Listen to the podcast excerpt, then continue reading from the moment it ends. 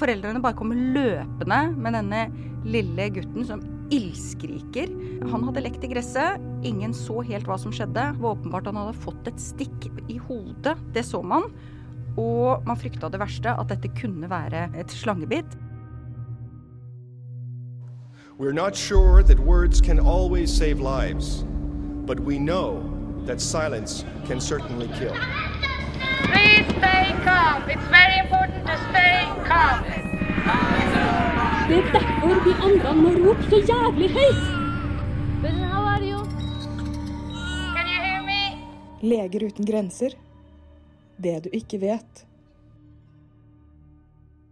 Velkommen til tredje episode av Det du ikke vet, som er en podkast om glemte humanitære kriser. Vi varsler om kriser som ingen snakker om, fordi vi mener at færre dør når flere vet. Hva har svart mamba, indisk kobra og østlig brunsnok med det å gjøre? Jo, hvert år dør faktisk 100 000 mennesker av bitt fra giftige slanger. Likevel er det få som snakker om det, og legemiddelselskaper har sluttet å utvikle ny motgift. Hvorfor er det sånn? Jo, de hardest rammede av slangebitt er fattige, og de ser rett og slett ut til å ikke være lukrative nok for legemiddelindustrien. Dette og mye mer skal vi få høre om av legen som sitter her foran meg nå. Hun har behandlet slangebittpasienter i en av verdens største flyktningleirkomplekser i Dadaab i Kenya. Øyunn, det er tidlig på morgenen, så jeg sier god morgen og velkommen hit. Ja, tusen takk.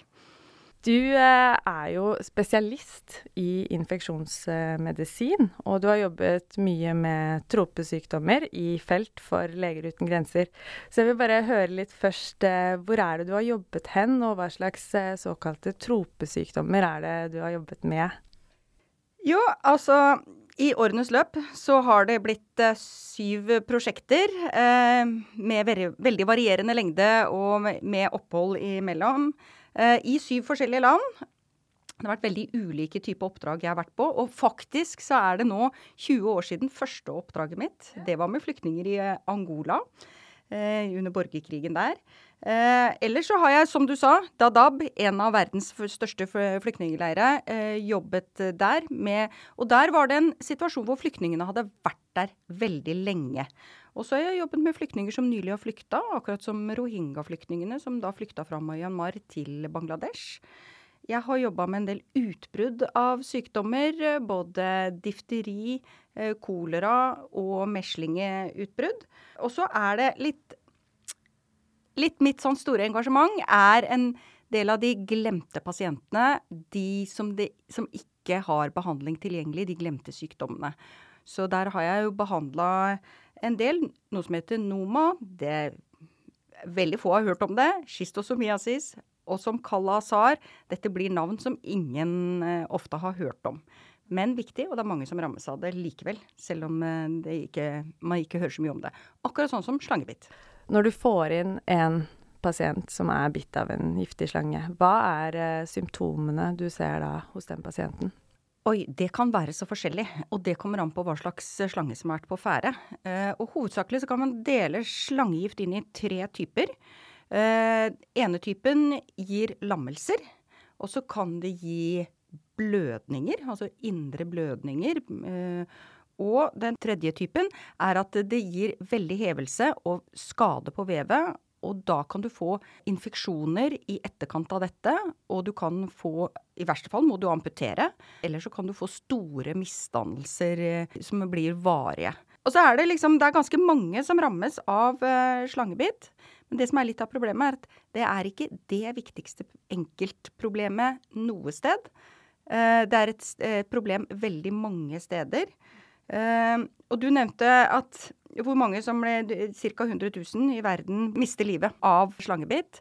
Og det er bare et cirkatall. Det man sier et sted mellom 80 000 og 140 000 dør av slangebitt hvert år. Men det er rundt regna fortsatt også et usikkert estimat 400 000 Oi. som får varige skader av Ja. Mm. Som du sier, man kan få eh, mange ulike skader. Og eh, jeg har også sett noen bilder av, eh, av disse skadene fra pasienter som vi har behandlet bl.a. i Sør-Sudan. At det, ser litt sånn marmoraktig ut. Huden den stivner helt, liksom. Eller er det Ja? Ja, det blir veldig arrvev. Mm. Arrdannelser. Sånn det, og det gjør, øh, gjør det stivt. Så det, ofte så blir det stive ledd, sånn at du får ikke brukt hender eller føtter på, på normal måte. Det gjør deg funksjonshemma, rett og slett, for resten av livet. Og det er ofte mangel på eh, effektiv slangemotgift som gjør at du ikke At ikke det gror på en god måte. At du får alle disse skadene. Mm. Ja, for å hindre at de skadene da oppstår, hva gjør du da? Du var litt inne på det, men når du da får denne pasienten inn, hva, hva tenker du, og hva, hva gjør du? Ja, det, som, eh, det som er viktig å gjøre, er å få gitt slange motgift, og det så raskt som mulig. Sånn at eh, skaden eh, At man liksom ikke skaden får utvikle seg. Eh, og det finnes da eh, ulike typer slangemotgift i ulike deler av verden. Man kaller det det afrikanske kontinent, så finner man polivalent slangemotgift. Det betyr at det er en slangemotgift man har utviklet mot alle de viktigste slangene som gir alvorlige skader på afrikanske kontinentet. Og dette er jo dette er både komplisert og dyrt å utvinne. Eh, man utvinner det fra hesteserum. Det betyr at man rett og slett Hesten har vært infisert av dette, dannet motgift, og så tar man da denne eh, motgiften som hesten har produsert, eh, ut av hesten. Det du får med deg da, er proteiner fra hesteblod, og det kan man reagere allergisk på. Sånn at det når man gir eh, motgift, så kan man få en alvorlig allergisk reaksjon på dette, dette antistoffet. Sånn at det er veldig viktig at man da overvåker pasienten underveis. Og, eh, og at man vet hvordan man gir det. Så det krever kunnskap. Så det krever Det som også er med, med liksom det å behandle slangemotiv, det krever litt kunnskap eh, på helsesenteret lokalt. Og det krever også litt utstyr, at man har overvåkningsutstyr, så man kan overvåke puls og blodtrykk eh, osv. hos pasienten. Så, eh, så det er litt krevende. Så det krever en litt mer sånn generell utbygging av helsevesenet mange steder for å kunne gi denne slangemotgiften. Og da gjelder det vel også, siden det er en risiko for, for bivirkninger, eh, sånn, så gjelder det vel også ikke gi det hvis det ikke trengs. Men vet du, er du alltid sikker på at det er okay, det er slangebitt og det er motgift denne pasienten trenger? Nei, det er det som også er litt av problemet. Det kan man ikke vite. Og det er som du sier, man skal ikke gi det i utide, så det må være en stor sannsynlighet for at det er en eh, slange som har vært på ferde. Men av og til så vet man ikke det. Hvis det er barn som blir bitt, så vet man jo ikke alltid. Og det kan være mange som liksom man kjenner et eller annet bitt, men hva var det som beit deg? det så du ikke. Du skal ikke akkurat gå etter og prøve å finne ut av det heller, selvfølgelig. Da kan man bli bitt igjen. Sånn at det må være en sannsynlig historie at det er slange som har bitt deg. Vi skal snakke litt mer om det også, at det er jo eh, en av grunnene til at det er viktig å forske frem, eh, eller forske mer på motgift, da, fordi, for å finne noen alternativer som ikke gir sånne her effekter. Eh, det skal vi høre litt mer om. Men eh, jeg vet jo at du har sett da med egne øyne hvordan, eller hvor avgjørende det er da, at man får motgift raskt. Kan du fortelle om noen av de, eh, de situasjonene du har opplevd? Ja, altså en ting jeg husker veldig godt uh, fra da Dadaab, den store somaliske flyktningleiren uh, helt på grensa til Somalia, som ligger i, i Kenya. Foreldrene bare kommer løpende med denne lille gutten som ildskriker. En tre år gammel gutt. Han hadde lekt i gresset. Ingen så helt hva som skjedde. Det var åpenbart han hadde fått et stikk i hodet. Det så man. Og man frykta det verste, at dette kunne være et slangebitt. Det er ikke så lett en ildskrikende treåring eh, å spørre hva skjedde. Det kan være skorpion også, for det fantes skorpion i, eh, eller finnes skorpion i området også. Og det, og det vet man ikke, men slangebitt er definitivt veldig mye mer farlig enn skorpionbitt, så vi må gi slange motgift, ellers så vil han ikke overleve dette. Det var et ordentlig bitt han hadde i hodet, han hadde begynt å hovne opp allerede, og åpenbart veldig vondt. Foreldrene hadde også liksom sånn den dårlige samvittigheten over ja, men vi kan jo ikke se til han hele tiden. Vi må jobbe. Vi må gjøre jobben vår. Og det er klart det. Så det er jo litt sånn eh, Foreldrene føler det jo veldig sånn idet barnet ditt er bitt av en slange, så er det liksom Oi, her har vi ikke passa på godt nok. Så vi ga denne gutten eh, slangemotgift, og da Dette var sent på kvelden. Og det er ofte da eh, slangene er mest aktive også. Eh, at de gjemmer seg i gresset, og man, da ser man ikke helt hva, hva befant seg i dette gresset. Så da ga vi slangemotivt, og da måtte vi kontinuerlig overvåke han gjennom hele natta. Gi dette slangemotgiften sakte og sakte for at han ikke skulle reagere allergisk. Gi litt antiallergimedisiner for å motvirke en eventuelt allergisk reaksjon. Og følge med på puls og blodtrykk. Så eh, der hadde vi da noen foreldre som satt tålmodig gjennom hele natta. Vi overvåka han og eh, la på noe kaldt oppå hodet hvor han hadde blitt bitt og hvor det var hovent. Og så neste morgen så så vi at det gikk veldig mye bedre for denne gutten. Så om det var en slange på ferde, det vet vi ikke. Han tålte slangemotivt, og dette gikk veldig bra. Det ble et lite sår der hvor slangen, eller hva det nå var, som beit han, hadde, med- der han hadde fått bittet. Og det fikk vi liksom eh, behandla godt med liksom god sårbehandling. Så gikk dette veldig bra. Han ble da mest sannsynlig bitt av en slange. Hva slags uh, slange kan det ha vært? Vet du det? Ja, det, det var flere slanger i området, og det var flere giftige slanger. Den som man frykta mest, var det man kaller for svart mamba. Og mange tror at det er en svart slange pga. navnet, men det er den ikke. Den er sånn eh, gråbeige på utsiden, men gapet, innsiden av gapet, er svart. Og det er det som har gitt den eh, navnet. Og det er en eh, slange som gir lammelser. Så det er den aller mest frykta som finnes i dette området. Og så er det jo da mm, mange, som, som du sier, som eh, ikke har tilgang eh, på motgift. Eh, vi, vi snakket litt om at eh, det er da fattige på, på verdensbasis, altså mennesker som bor i fattige land, eller som, eh, som ikke har penger til å betale, da, i dyre dommer ofte, for motgift. Men kan du si litt mer om eh, hvilke grupper er det som, som vi ser at blir særlig rammet, da? Det er, det er jo særlig bønder på landsbygda. De går jo ute på jordene og ute, ute i naturen. Og ofte, de aller fattigste, går jo barbeint. Og også barn går jo barbeint. Barn leker i gresset. Så det er de som blir mest ramma. På verdensbasis så er det jo liksom omtrent halvparten av alle som blir bitt av, eh, slanger, eh, av giftige slanger i verden, de bor da i India. Det er vel noen av de giftigste slangene. De lever vel i Australia, men hvordan er det der? Hvordan er dødsraten der? Ikke sant? Det er verdens aller mest giftige slanger. De finnes i Australia. Gjennomsnittlig i Australia så dør det to mennesker per år av eh, slangebitt. Så der har folk tilgang til god og riktig motgift, så der dør man ikke av det. Eller svært få. Mens når man da bor i et område hvor, hvor man ikke har tilgang til sla- eh, motgift, det er da det blir veldig mange som dør av dette. Mm. Og som du sier, så er jo barn også De kan bli hardt, hardt ramma. Det er vel også fordi de har, de har jo små kropper, så den giften går jo ganske inn på Eller Ja, ikke sant. De har mindre kropper, sånn at det skal mindre gift til for å drepe dem, eh, rett og slett. Og så er det ofte at de leker i gresset, sånn at de kan bli bitt da i hodet, i ansikt, på armer og hender, og ikke nødvendigvis i føttene. Og det gir, altså, det gir en større risiko for død eh, når man liksom blir bitt sentralt på kroppen, enn når man blir bitt på, i foten. Men vi hører jo det, da, at uh, motgift, det fins jo. Men så er det likevel så mange som ikke har tilgang på det. Hvorfor, hvorfor er det sånn, f.eks. Uh, i, i Afrika, da sør for Sahara? Slangemotgift er dyrt. Og det er dyrt og komplisert å produsere. Det er som jeg sier? Man, man utvinner det av hesteserum. eh, og man må da infisere hesten først osv. Så videre, sånn at det, eh, så dette er komplisert eh, produksjon. Det gjør det dyrt. Det gjør at de som blir ramma av dette, ikke har råd til dette. Eh, da utgjør det ikke noe marked, de kjøper det ikke. Eh, og dermed så blir det ikke produsert, for det er ikke noe marked for det. Det som derimot oppstår i en sånn situasjon, er et, eller som har oppstått, er et, eh, et marked hvor man Falsk motgift. At det er en del, en stor industri i produksjon av falsk motgift, som da ofte selges på mange apoteker rundt omkring. For det blir jo litt sånn at eh, desperate foreldre som da hvor barna har blitt bitt av en slange, de er villige til å gjøre hva som helst.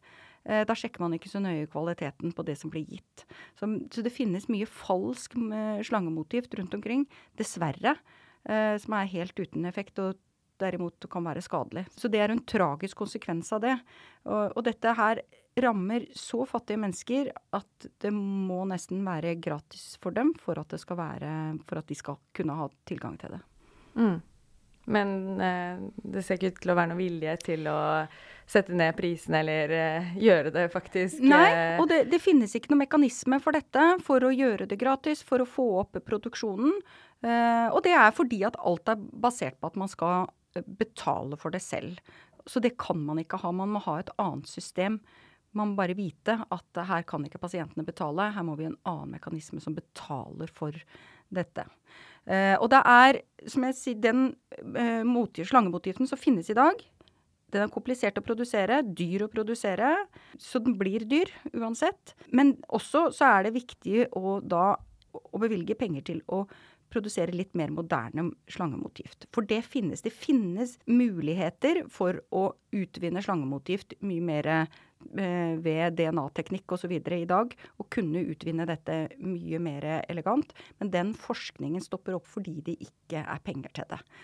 Så det trenger man også å, å, bevilge penger til. Og det her problemet med mangel på motgift eller medisiner generelt, da, det er jo ikke noe som er begrenset til uh, slangebitt. Det er jo noe våre feltarbeidere har sett gang på gang opp gjennom uh, historien. At uh, pasientene våre de må lide, eller i verste fall bøte med livet, fordi de ikke har tilgang på medisiner, selv om disse medisinene da egentlig finnes. Og det er jo noe vi i Leger uten grenser jobber for mer rettferdig tilgang for, til alt fra tuberkulosemedisiner til eh, covid-vaksiner. Og den kampen her jo, har jo du også lenge vært engasjert i, Øyen. Kan du fortelle litt om noen andre sånne glemte sykdommer som du eh, har jobbet med? Ja, nå benytter jeg da sjansen til å fortelle litt om kalasar, ja. som også er en annen av de såkalt glemte sykdommer, eller nedprioriterte sykdommer, egentlig. Eh, kalasar, det er, jo, det er jo et ord de færreste har hørt om. Og det er jo ikke en sykdom som finnes i vår del av verden, så det er jo kanskje naturlig at folk ikke vet noe om det. Men det er faktisk ganske mange som rammes av det allikevel, på verdensbasis. Kalasar er en sykdom som finnes både på det indiske subkontinent og eh, i, på det afrikanske kontinent. Og dette det er en parasitt som smitter via sandfluer. Så her er det også folk som jobber og bor nært på naturen som, eh, som rammes. Og gjerne de aller fattigste. Og det er en, eh, det er en sykdom som er, har mye mer sånn langsom Det blir en langsom sykdom. Du får dårlig immunsystem, du går ned i vekt, du går rundt og har feber, så man er syk i flere måneder før man Hvis man går helt uten behandling, så dør 100% av disse pasientene. Og det at det også er en langsom sykdom, det er nok litt det som gjør at det blir ikke sånn dramatisk som et uh, slangebitt. Det, det, at det er litt sånn langsomt, at man folk dør litt la mer langsomt, gjør det mindre dramatisk, og da får man liksom ikke helt de store overskriftene, kanskje. Men her har det skjedd en del framskritt. Det har vært forska, og da har man eh, starta med forskning som er sånn ikke-kommersielt det man kaller for non for profit, sånn internasjonalt, forskning på nyere medisiner. Og det har man gjort på det indiske subkontinent. Og det er da DNDI og Leger uten grenser har vært med på denne forskningen, hvor man da har en ny medisin som er mer effektiv, mindre bivirkninger og ikke minst enklere å gi. Sånn at man har en tablettkur på ti dager versus det som var behandlingen tidligere, en hel måned med injeksjoner. Og det har gitt kjemperesultater, og man har starta store programmer i samarbeid med regjeringene i India og Bangladesh eh, i alle fall, sånn at forekomsten har gått drastisk ned, så man nesten utrydda det som et folkehelseproblem i de områdene der. Men det som er Parasitten er litt annerledes i det østlige Afrika. Der er kalasar veldig på frammarsj. Man må gjøre forskning for å se om den samme medisinen er like effektiv mot parasitten i dette området. Der er det også mye krig, uro og konflikt, og vanskelig å komme til pasientene og vanskeligere å drive forskning. Så der brer kalasar om seg, og det er store, store mengder mennesker som dør av eh, kalasar i dette området her. Så det er utrolig tragisk. Men det er det også at det trengs forskning som da ikke er profittdrevet, fordi at disse pasientene er så fattige at de vil aldri kunne betale for det. Så man må ha en annen mekanisme og bevilge penger gjennom andre mekanismer Det er mulig, altså, med medisinske fremskritt også innenfor Det eh, glemte sykdom i Absolutt verden. veldig mulig, og det trengs ikke så veldig mye ressurser i, og veldig mye penger hvis man ser opp mot hva har verden brukt av penger på forskning på covid-vaksine i det siste, f.eks. Det er veldig flott. Vi har fått eh, vaksiner mot covid. Definitivt. Det trengs bare en bitte liten brøkdel av dette for å få til både gode medisiner og vaksiner mot en god del av disse sykdommene. Og det er det at det er litt utenfor fokus, tror jeg, Ja. som gjør at man ikke får forsket på dette og ikke får bevilget penger til det. Du bare, Inni der så nevnte du DNDI. Kan du bare kort si hva det er? Ja. Det er faktisk et eh, forskningsinstitutt, egentlig. Forkortelsen er Drug for Neglected Diseases Initiative. Og det ble startet bl.a. med pengene som Leger uten grenser fikk for fredsprisen i 1999. Så vi var med på å starte dette forskningsinstituttet. Det er helt uavhengig av Leger uten grenser og lever nå sitt eget liv som et forskningsinstitutt. Og driver veldig mye flott forskning på nettopp glemte sykdommer. De har forsket fram en ti, rundt ti, tror jeg, ulike nye medisiner.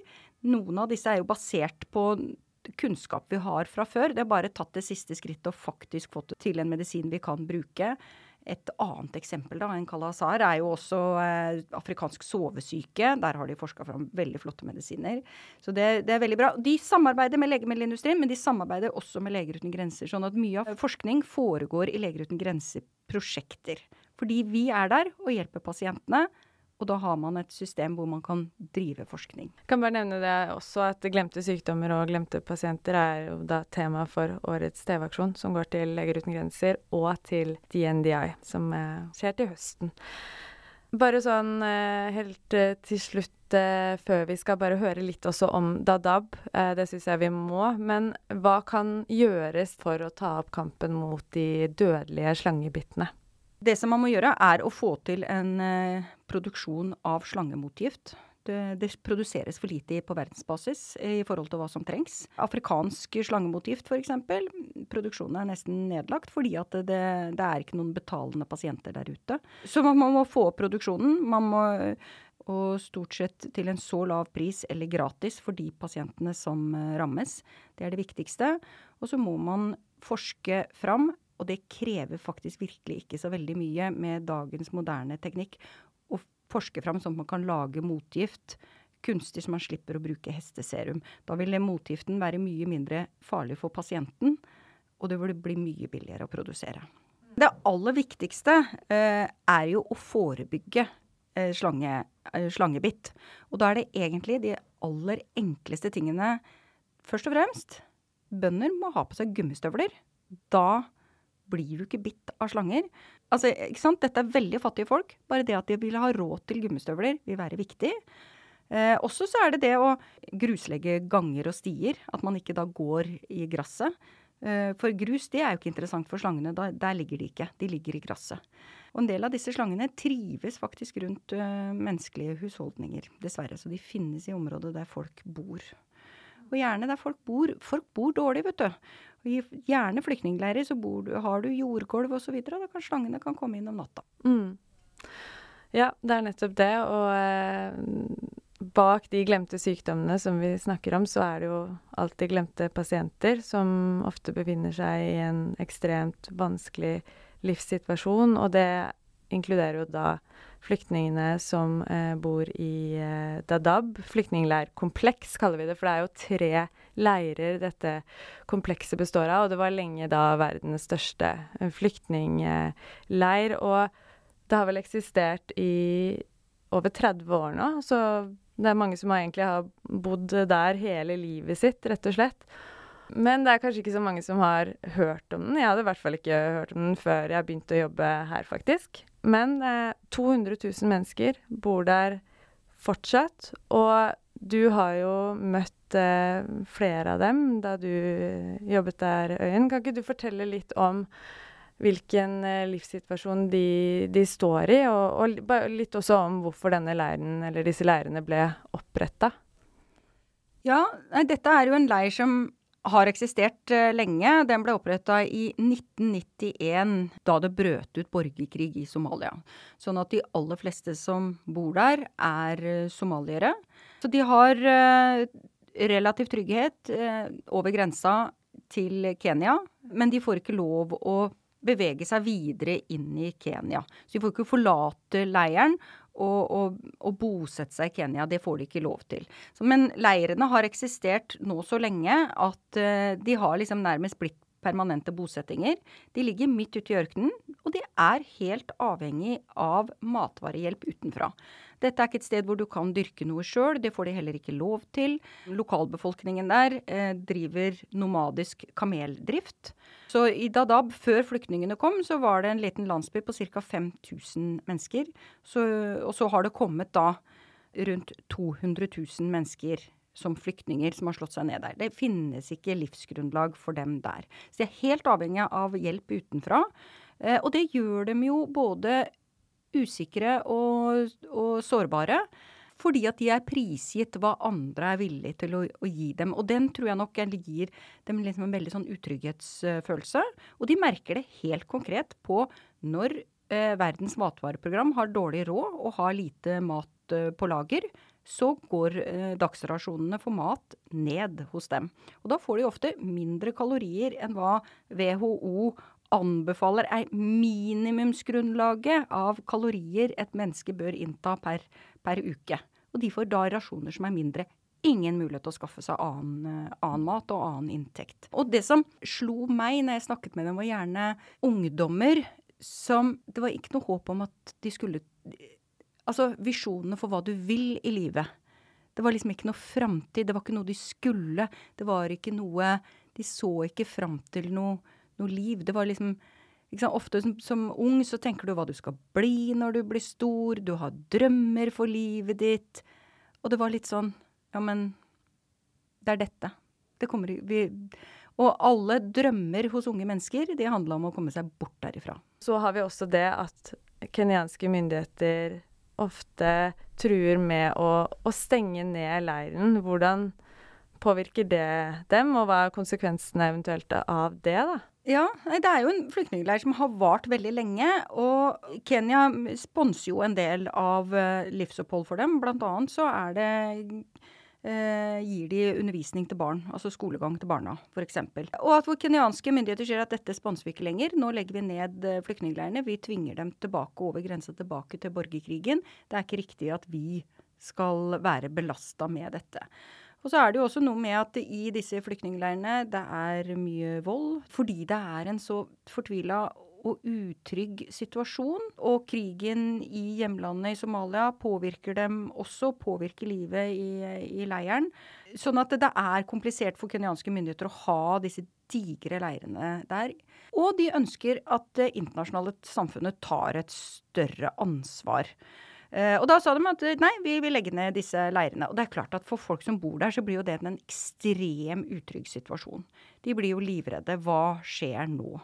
Men det, det, som skjedde, var at man, man, klarte å komme til en enighet med kenyanske myndigheter, og man fikk litt økt hjelp fra det internasjonale samfunnet, så de la den ikke ned. Men jeg tenker de sitter med den utryggheten inni seg hele tiden. Som du sa, så var den verdens største flyktningleir den gangen.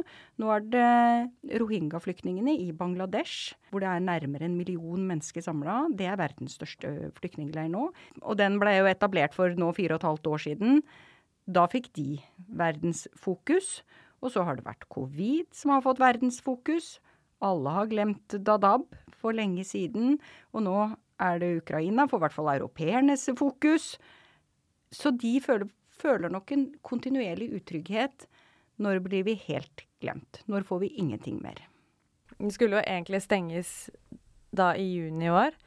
Det skjedde ikke, kanskje som et resultat bl.a. av at uh, flere har, uh, har, snakket om dette her i mediene, fått oppmerksomhet rundt saken. Så det viser jo igjen at det nytter å engasjere seg. Og så gjenstår det å se hva som faktisk er fremtiden, da. Uh, og vi fortsetter jo i hvert fall å være til stede der. Ja, vi fortsetter å være til stede der. Og det er når man da begynner å snakke om å stenge leiren, det at man klarte å få litt mer fokus på Hallo, her er det en stor flyktningleir. Her er det svært mange mennesker som blir kastet ut i absolutt ingenting fra den ene dagen til den andre, og blir sendt tilbake til et land i stor uro og borgerkrig. Og hvor da, ikke sant, altså det er folk på 30 år som aldri har bodd i Somalia. Så, så hvor skal de finne sitt livsgrunnlag? Det blir, altså det blir jo en helt ekstrem eh, situasjon, da. For de 200 000 menneskene. Og det blir jo helt kaotisk i, eh, i Somalia også, med plutselig så mange mennesker. Ingen steder å gjøre av seg. Man har kommet til en enighet som man, den stenger den ikke, men framtiden er fortsatt uviss. Og den utryggheten lever de jo med. Tusen takk, eh, Øyen, for at du kom hit og fortalte. Jeg har i hvert fall lært eh, masse i dag. Eh, det håper jeg også du som lytter har. Og nå som du vet, så kan du bli med og spre ordet, fordi færre dør når flere vet. Jeg heter Benikte, og med meg i studio her i dag så har jeg makker, medprodusent og teknisk ansvarlig Marion Mossing. Jeg vil også si takk til Acast, som igjen åpner dørene til eh, studioet sitt. Hvis du har lyst til å lese mer om det du hørte i dag, og også se bilder av det vi har snakket om, så kan du gå inn på legerutengrenser.no slash podkast. I neste episode så skal vi snakke med en feltarbeider som har vært en del av et team som har reist rundt med meslingvaksiner i bagasjen på kryss og på tvers i Afrikas nest største land, nemlig DR Kongo. Vi høres!